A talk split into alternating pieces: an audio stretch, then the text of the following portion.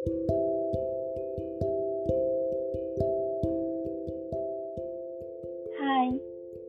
apa kabar? Sebuah basa-basi paling klasik untuk usaha berhubungan kembali. Sebuah basa-basi yang bisa membuat harapan kembali. hmm, kali ini aku mau ngobrol soal memaafkan.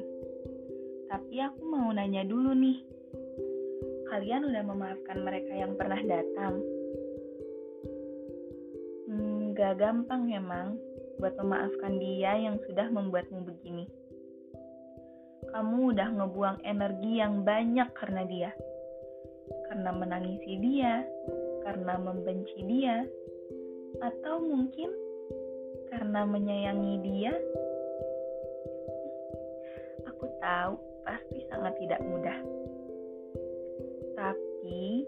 Kalau terus begitu, gak ada gunanya juga toh dia juga udah gak peduli sama kamu. Memaafkan tidak harus kamu terus berteman baik dengan dia kok. Pelan-pelan aja. Dan selalu ingat kalau dirimu juga berhak untuk bahagia.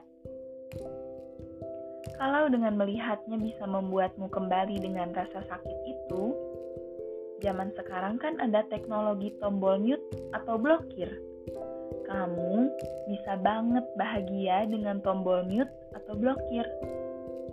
Ngeblok dia bukan berarti membenci kok. Nggak berarti jahat juga. Tapi karena memang dia sudah bukan lagi bagian di hidupmu. Gak apa-apa. Gak usah sok kuat.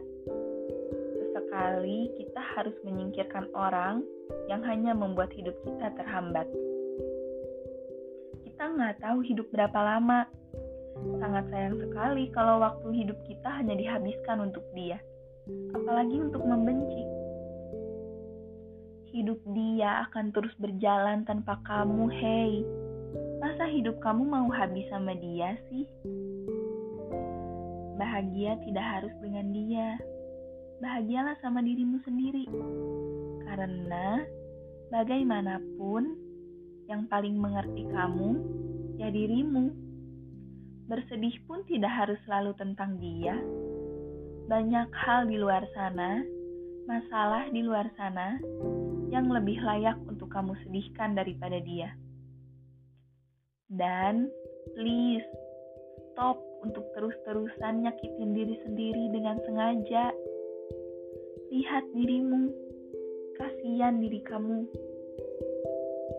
Mau sekeras apa pun kamu mencoba mengikhlaskan dia, kalau kamu belum memaafkan, ya nggak akan pernah bisa ikhlas. Hmm, aku pernah terjebak selama berbulan-bulan menangisi orang yang sama.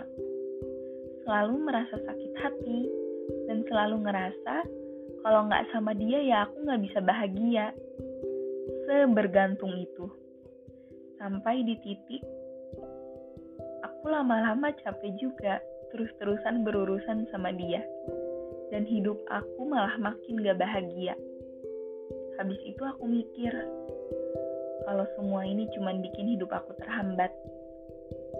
Aku mikir, kalau mungkin waktu itu aku sebenarnya gak sesakit hati itu. Tapi karena pikiran aku aja yang sengaja mensugesti kalau aku harus merasakan rasa sakit yang sesakit itu. Jadi, sebenarnya rasa sakit itu datangnya dari pikiran kita sendiri. Yang perlu kita lakuin adalah ngontrol pikiran kita sendiri. Sampai nanti kita akan bisa memaafkan dia dan mengeluarkan dia dari hidup kita. Memaafkan semua yang telah terjadi, memaafkan pertemuan yang menyenangkan, memaafkan akhir yang menyakitkan, memaafkan dirimu yang sudah merasa sak merasakan rasa sakit, dan memaafkan dia yang sudah membuatmu begini. Dan berhenti menyalahkan diri sendiri, karena memang dari setiap pertemuan pasti ada penyesalan, sekecil apa pun itu. Bukan hanya kamu yang pernah salah, tapi kita semua juga pernah salah. Semua manusia pernah salah. Manusia kan emang tempatnya salah dan hilaf. Hmm, waktu itu ada seseorang, seseorang yang menyenangkan. Dia pernah bilang, kadang baik dan buruk itu seimbang.